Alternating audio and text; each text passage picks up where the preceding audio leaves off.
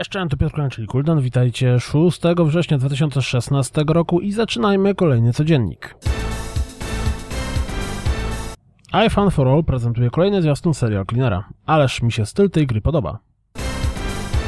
Z okazji trwającego PAX West pojawiło się zestawienie scen morderstw z Friday the 13 The Game.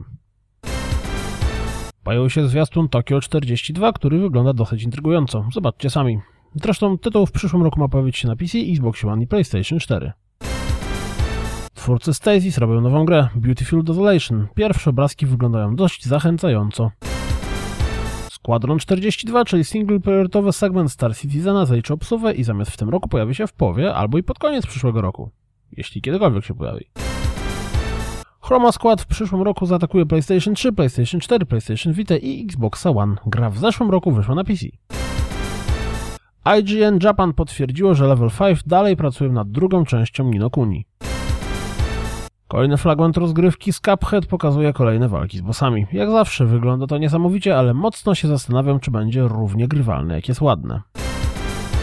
Dla odmiany fragmenty rozgrywki z Mirage Arken Warfare dalej mnie zaskakują połączenie wyraźnych kolorków, świata i postaci z chlastającą na prawo i lewo juchą.